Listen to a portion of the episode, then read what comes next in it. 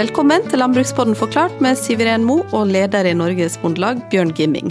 Vi går rett på sak, Bjørn. Hva er jordbruksoppgjøret? Jordbruksoppgjøret er altså eh, forhandlinger mellom eh, jordbrukets organisasjoner, dvs. Si Norges Bondelag og Norsk Bonde- og Småbrukerlag, og, og, staten på den andre sida. Dette har, har, jo en lang historikk eh, tilbake igjen til, eh, til, tida etter andre verdenskrig. Eh, hvor eh, vi da har en mulighet som er slått fast i hovedavtalen for jordbruket, som kom i 1950, var det vel at vi kan eh, forhandle ulike ordninger, priser, tilskudd med staten eh, i, et, eh, i et, jordbruksoppgjør, og som munner ut i en jordbruksavtale da, som, som, regulerer en del forhold rundt, rundt matproduksjon. Og, og egentlig eh, rammebetingelsene for meg som bonde. Da. Hva som ikke diskuteres i jordbruksoppgjøret? Ja, nå står det jo i hovedavtalens paragraf 1 da, at dette avtaleverket har jo som formål å regulere tiltak som er egnet til å fremlegge fremme fastlagte mål for jordbruket, og som ikke er uttømmende regulert ved lov, stortingsvedtak eller forskrift.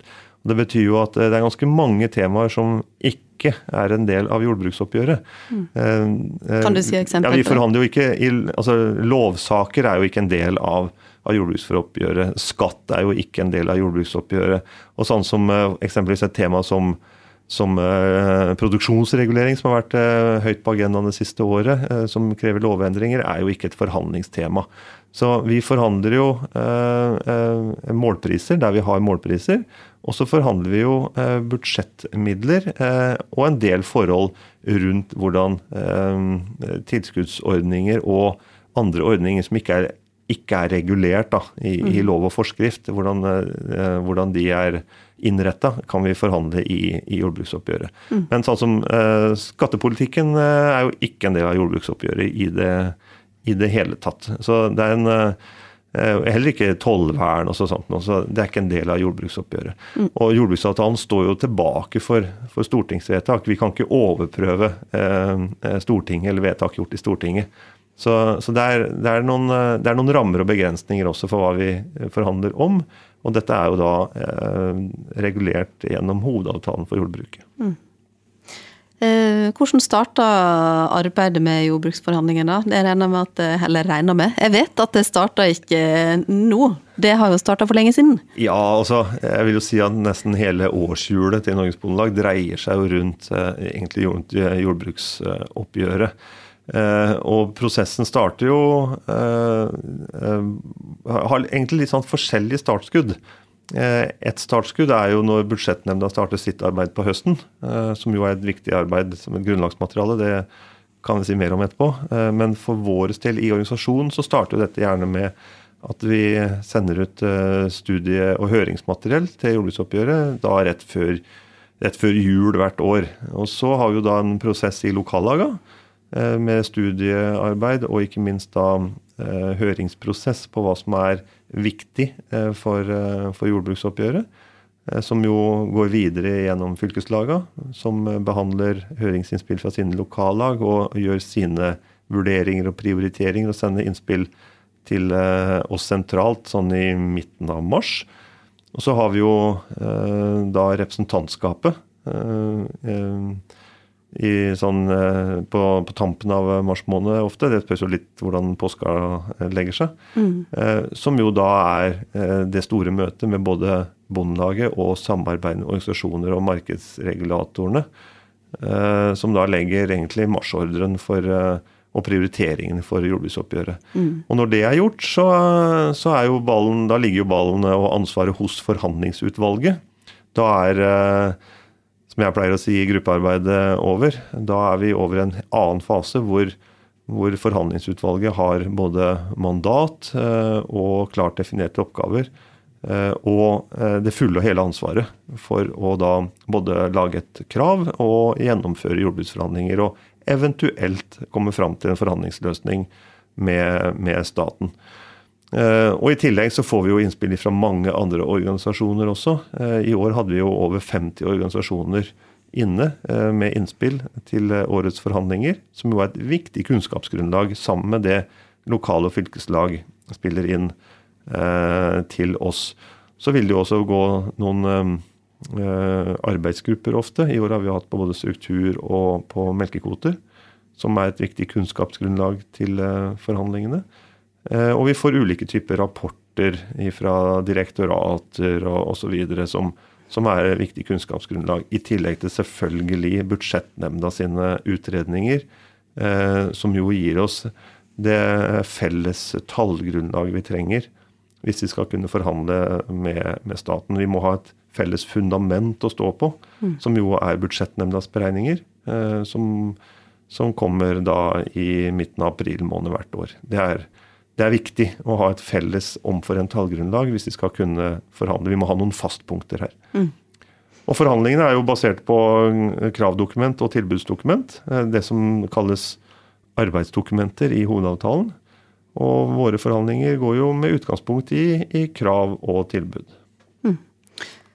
Uh, ja, og vi legger jo frem vårt krav den 26. april i år. Og frem til, Først er det jo på en måte, jeg må bare prøve å oppsummere litt. Først er det jo en, hva skal jeg si, gruppearbeid uh, ute i uh, lokallagene, i fylker, og alt oppsummeres i representantskapsmøte. Der forhandlingsutvalget da får det fulle ansvaret ja. derfra og inn.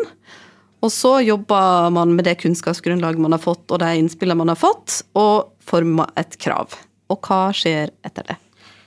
Ja, etter det som vi har eh, laga Bondelagets uh, kravdokument, eller primærkrav, så går vi jo inn i en, uh, en fase hvor vi skal samordne oss og bli enige med, med Småbrukerlaget om et felles kravdokument fra jordbruket. Så vi lager jo et komplett krav, slik vi ønsker at en, et jordbruksoppgjør skal være fra bondelagets side. Og så må vi både forhandle litt med Småbrukerlaget, men vi har jo også et, det er jo et felles arbeid også. Hvor begge organisasjonene da skal jobbe seg sammen til et, et godt jordbrukets krav, som jo er det eneste dokumentet som har noen, noen funksjon inn uh, som krav til staten. Det er jo ikke sånn at Våre primærkrav har jo ingen funksjon uh, mot staten. Det er bare det felles kravdokumentet som, som, eh, som, staten har noe interesse av eller vil, eh, vil motta. Mm. Er jo, eh, det er jo nedfelt at vi skal opptre som én part i forhandlingene. Mm. Så det nytter ikke å komme med andre krav i etterkant av at man har levert jordbrukets krav? Nei, de jo, det er jo kun interne arbeidsdokumenter, egentlig. Mm. I den forberedende fasen. Våre respektive primærkrav.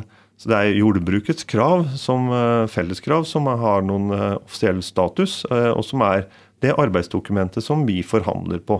Mm. Og Det er jo viktig å, å, få med seg også være oppmerksom på det at det, eh, det vi forhandler på da, eh, i mai måned, etter at vi har fått tilbudet, det er jo bare de temaene og det som er tatt opp i, i kravet, eller som står i tilbudet.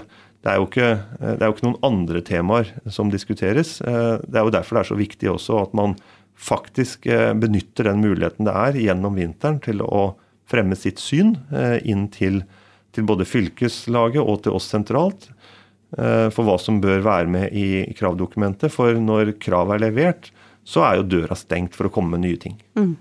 Ok. Så da legger vi frem kravet den 26. april, i hvert fall i år. Og så kommer statens tilbud den 3. mai. Hva gjør vi da? Ja, 3. mai det er jo en viktig dag eh, når vi får statens tilbud. Eh, da setter vi oss jo ganske fort ned etter, eh, etter vi har fått det, og går igjennom og ser hva, hva ligger egentlig i tilbudet her. Og vi må jo da gjøre en vurdering. Det gjør vi hvert år. Hva, hva, hva sier egentlig staten? Hva er på et vis utspillet til staten i, i tilbudet? Eh, og det er jo på et vis første gangen eh, vi da tar en vurdering av om det er eh, grunnlag for å faktisk starte en, en, en, en forhandling da, med utgangspunkt i, i, krav og tilbud. Så da, da, setter vi oss ned, går gjennom, og må da på et tidspunkt komme en tilbakemelding til staten om, om dette er grunnlag for å gå videre eller ikke. Og det er, det er, en formell tilbakemelding vi gir i, i møte med staten. Uh, og hvis det er sånn da at vi uh, mener at det er grunnlag for å forhandle her, så, så, går jo da prosessen videre, og vi kommer over i en annen fase av jordbruksforhandlingene. Ja. Og hva skjer da? Da går vi over i det som heter prosedyrer. Og Det er en prosess eh, hvor vi går gjennom eh, krav- og tilbudsdokumentene eh, i møte med statens forhandlingsdelegasjon. Dvs. Si at vi møter i såkalte fulle delegasjoner. Altså alle forhandlingsutvalgene møter med sine, de sakkyndige vi har med fra sekretariatene våre, altså våre fagfolk som altså ansatte i sekretariatet, og tilsvarende fra statens side. Så det er jo, det er jo et fora på Det er vel fort vekk borti 30 mennesker eh, som, som, da er samla eh, i et eh, stort møterom i Landbruks- og matdepartementet, hvor vi da går gjennom suksessivt alle temaene som er tatt opp i enten krav eller tilbud. Det er en faglig gjennomgang mm. hvor vi skal da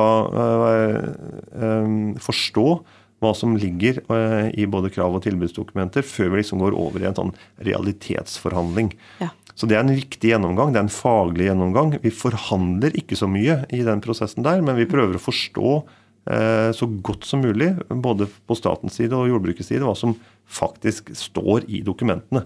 Og hva er det vi egentlig har krevd her. Eh, og eh, vi har en faglig diskusjon rundt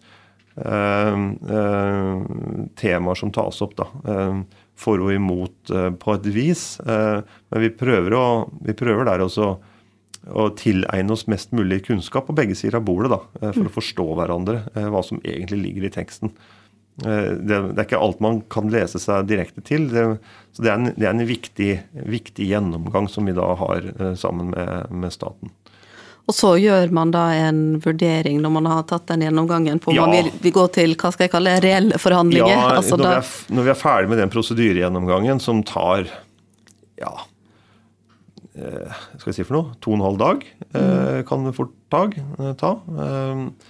Så, så, går vi jo hvert til vårt eh, og vurderer nå eh, hva har vi egentlig hørt. Hvor oppfatter vi at det er eh, interesse av å på et vis forhandle. da. Hvor har det vært veldig, veldig bastant, eventuelt motstand. Og da, da, gjør jo vi oss opp en, en mening respektivt, eh, småbrukerlaget på sin side og vi på vår side, om det er grunnlag for å gå videre og inn i forhandlinger. og eh, På alle mulige tidspunkter gjennom denne prosessen etter at vi har fått tilbudet, så, så kan vi jo bryte hvis vi vurderer det dit hen at det ikke er grunnlag for å forhandle. I 2021 f.eks. så kom vi jo aldri til prosedyrene heller. Nei. Da vurderte vi jo dit hen Vi brukte et par dager på å konstatere at her her ser ikke vi noen mulighet til å komme fram til en forhandlingsløsning. Det som ligger på bordet i tilbudet er for dårlig. Vi trodde ikke, eller var, ganske, vi var helt sikre på at vi kunne ikke komme opp på det nivået som var nødvendig for Norges Bondelag til å inngå en, inngå en, jordbruksavtale med den daværende regjeringen. Mm. Men eh, når vi er ferdig med prosedyren, så gjør vi en vurdering og går videre eller ikke. Mm. Eh, og og vi, eh, sånn som i fjor, da, så, så, gikk vi jo da videre over i det som egentlig er forhandlinger på det som vi kaller for lederplan. Hvor eh, forhandlingene går over i en, i en mer sånn aktiv forhandlingsmodus, for å kalle det det. Da er det ikke fulle delegasjoner lenger. Da føres forhandlingene eh, i all hovedsak med statens forhandlingsleder eh, og meg som leder i jordbruks- og forhandlingsutvalg. og og lederen i Småbrukerlaget. Da er det vi tre som stort sett møtes til forhandlingsmøter. Mm. Og så går vi selvfølgelig tilbake igjen til våre respektive eh, og drøfter eh, det som, som har kommet fram i forhandlingsmøtet, før vi tar nye runder. Og slik går det da suksessivt gjennom dagene fram mot 16. mai, hvor, eh, hvor vi da ser hvor langt vi kan komme i forhandlingene i, i disse møtene. Noen ganger så har vi med noen ekstra inn i disse forhandlingsmøtene når det er formålstjenlig. Det kan være eh, ulike grunner til det, men da er gjerne kanskje generalsekretærer med, eller i noen tilfeller også noen flere med. Men vi møtes vanligvis ikke til fulle delegasjoner igjen før vi har en konklusjon på om vi enten bryter forhandlingene eller det er grunnlag for å gå inn i og skrive en jordbruksavtale. Da, da møtes vi igjen som fulle delegasjoner. Mm.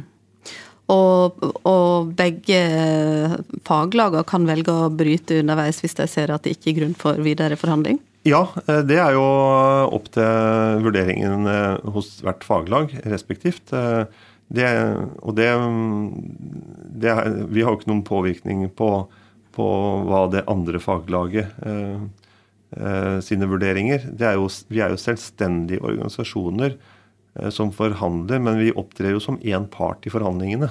Ja. Staten forhandler ikke med hver og en av oss, de forhandler med jordbruket. Mm. Men det er jo eh, eh opp til hver organisasjon å avgjøre om man eh, ser at det er et grunnlag for å f.eks. komme fram til en avtale, eller om man, man eh, vurderer dit hen at det ikke er mulig å få til en god nok avtale, og, og da er konsekvensen brudd. da. Mm.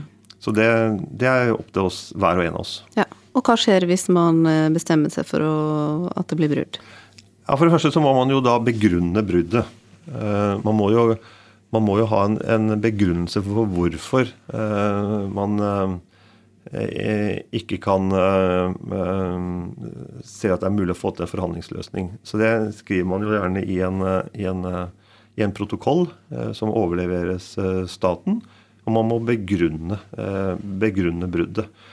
Eh, og, og hvis eh, en av organisasjonene bryter, så kan staten velge å gå videre og forhandle med, med den andre.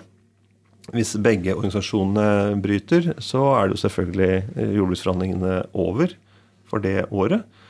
Og vi er da i en konfliktsituasjon med, med staten. Og da er det jo sånn at vi er Eh, da skriver vi en eh, slags protokoll på det, eh, hvor vi bl.a. også sier at vi er enig i at statens tilbud da kan danne grunnlag for en såkalt teknisk jordbruksavtale, som da forelegger Stortinget, og som Stortinget kan slutte seg til, sånn at vi faktisk har en, en jordbruksavtale for det kommende året, selv om jordbruket da har brutt forhandlingene. Det gjorde vi da sist i 2021 hvor eh, da statens tilbud gikk til, eh, til Stortinget mm. Eh, og, og, ble vedtatt. Ja, Så da mister vi på en måte muligheten til å påvirke hva som står i den jordbruksavtalen? Det mister vi. Mm. Det er jo ikke noe megling eller noe sånt hvis vi kommer til brudd i forhandlingene. Da er det statens tilbud som går til Stortinget i en proposisjon. Og det er jo selvfølgelig et ris bak speilet det at det er statens tilbud som går til Stortinget, og som blir vedtatt som, som årets jordbruksoppgjør da, jordbruksavtale. Mm.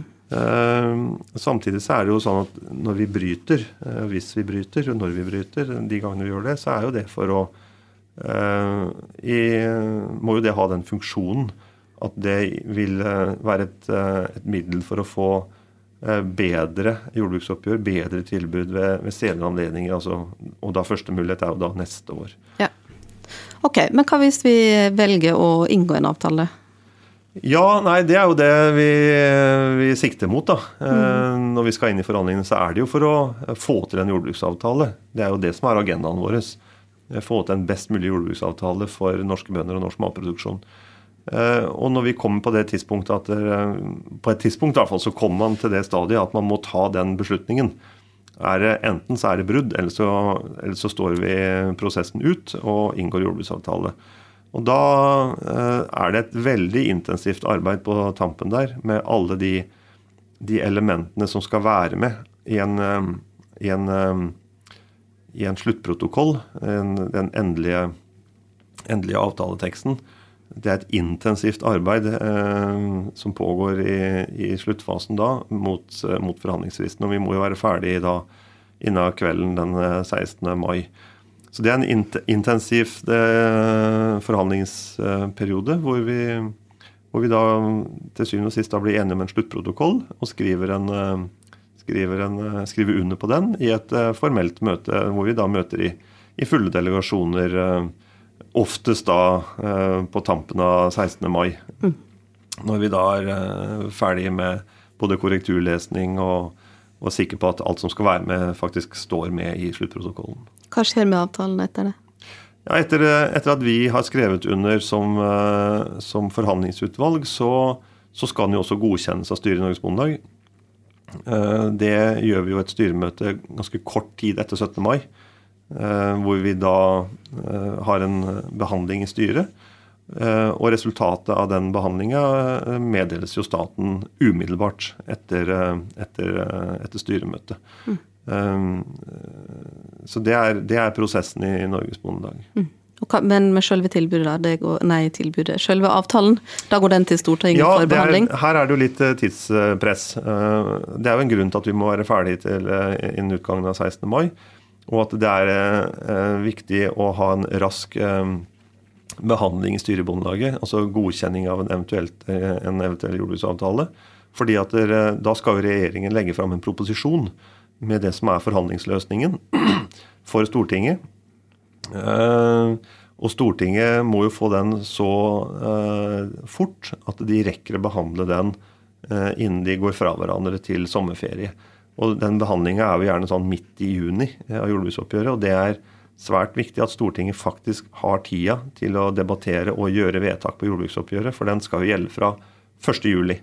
Så det, eh, her er det ganske sånn tight tidsskjema fra, fra 17. mai til, til, Stortinget går fra hverandre. Mm. Så da er, det, da er, det, et høyt tempo, eh, både i den prosessen gjennom, gjennom regjering og storting. Da. Ja. Det er ganske stort ansvar som ligger på forhandlingsutvalget, da, som eh, tar hele denne jobben? Ja, det er jo et uh, stort ansvar. Men det er også et, et, svært viktig arbeid for norske bønder og for norsk matproduksjon. Og det er jo et ansvar vi tar på, på det største alvor. og med Hva skal jeg si for noe? hvor vi er veldig fokusert på å få til best mulige løsninger innenfor det landbrukspolitiske som ligger til jordbruksoppgjøret, og ikke minst de økonomiske betingelsene. Eh, som vi klarer å forhandle fram i, i, oppgjøret. Det er et ansvar vi kjenner veldig sterkt på. Og det er en intens prosess, det å være gjennom, uh, være gjennom jordbruksforhandlingene og, og, ha veldig fokus på det oppdraget vi har fått fra organisasjonen, fra representantskapet, og, og, da levere mest mulig i tråd med det, og få staten med på eh, et så godt oppgjør som overhodet mulig. Det er det er eh, noe vi kjenner veldig sterkt på. Eh, eh, og er en intens periode. Det, det, kan, det kan, underskrives på. Mm. Og det er vel også sånn at forhandlingsutvalget det som må stå for avtalen i etterkant. Og, Hvis de har inngått en avtale, så er det deres ansvar å på en måte anbefale at vi skal ja, alle medlemmer skal Ja, det ligger jo i det å faktisk ha forhandlingsansvaret og forhandlingsretten. Og det å inngå en jordbruksavtale. Altså, hvis, eh, hvis, vi inngår en jordbruksavtale, så må jeg eh, anbefale den avtalen til organisasjonen og til styret. Mm. Jeg har ikke noe alternativ. Eh, det har, og Sånn er det i begge faglagene. Hvis man har inngått en jordbruksavtale, så må man stå ved den og, og arbeide for at den skal bli vedtatt i våre respektive organisasjoner. Mm. Alternativet er jo ikke å på et vis distansere seg fra en, en avtale man sjøl har forhandla fram, da er jo eh, alternativet å ta konsekvensen og bryte jordbruksforhandlingene. Mm. Og si at dette her er ikke godt nok. Eh, her, her, kan vi ikke skrive avtale på det som ligger på bordet, og ta konsekvensen av å gå i et brudd. Eh, hvis jeg har forhandla fram en jordbruksavtale, så må jeg stå i den. Eh, eh, og alle skal være trygge på det at eh, hvis jeg skriver på en jordbruksavtale, så skal det være det beste vi kan få til. Og, og, og, være godt nok til å faktisk være jordbruksavtalen for det neste året. Eh, sånn er det jo også i de tilfellene eksempelvis. da, eh, Nå gjør vi jo ikke det så ofte, og det tror jeg er gode grunner til. Eh, eksempelvis sende til uravstemning. Så er det jo hvis jeg har, Uravstemning har jo kun en funksjon hvis man har inngått en jordbruksavtale. Det er jo da man kan høre medlemmene på, på det spørsmålet. Eh, samtidig så er jo forhandlingsutvalget forplikta til å jobbe for at det blir et, et ja i en sånn uravstemning. Eh, det, det, er jo også tydelig eh, hovedavtalen tydelig på at vi som forhandlingsutvalg må forsvare og anbefale en, eh, en inngått jordbruksavtale overfor medlemmene. Mm. Så jeg kan, ikke, jeg kan, ikke, først uh, på et vis kjøre sånn helgardering. At jeg, ja, jeg hadde litt dårlig følelse med denne avtalen her. Jeg tror jeg sender den ut på uravstemning og hører hva mm. medlemmene sier. Men det, det, er ikke, det, er ikke, en seriøs opptreden som, som en seriøs forhandlingspart. Hvis vi har inngått jordbruksavtale, så må jeg stå i det mm. og anbefale alle medlemmer i så fall å å stemme ja til det, eller for vår del nå, da, eh, anbefale styret å, å godkjenne eh, en jordbruksavtale, slik vi gjorde i fjor. Mm. Eh, så det, det, der er litt sånn der skal man være litt sånn ryddig ordentlig eh, rundt det spørsmålet der. Det er ikke, her er ikke sånn her er ingen mulighet til å kjøre sånn behagelig helgardering. Nei.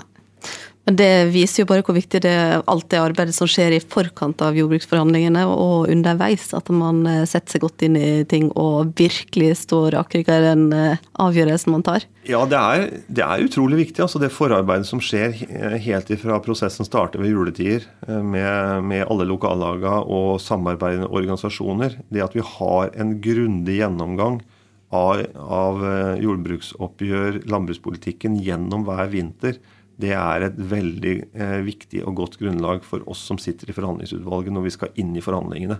At vi er eh, trygge på eh, hva som er situasjonen og meningen ute. Og så er det klart, det er jo et betydelig sprik eh, eh, i de innspillene vi får. Og det ligger jo til eh, oss i forhandlingsutvalget og meg som forhandlingsleder å skjære igjennom til slutt og ta en beslutning på skal vi mene det eller skal vi mene det innafor en variasjon i de innspillene vi får.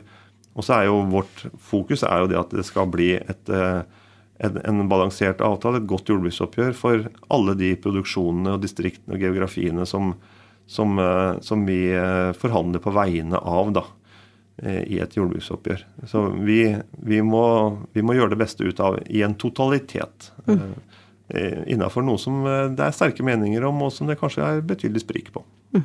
Hva er det viktigste for det å få til i årets eh, jordbruksoppgjør? da? Det er, eh, det er selvfølgelig inntekt, og at vi får tetta mer av inntektsgapet. Vi starta i fjor med en reduksjon av inntektsgapet. Det er jo det store eh, politiske prosjektet. Få inntektene i jordbruket opp på nivå med andre. Og det, det begynte vi på i fjor, etter mange år uten noen, eh, uten noen, reduksjon av inntektsgapet. Eh, vi begynte i fjor, og det blir den store, viktige saken også i år.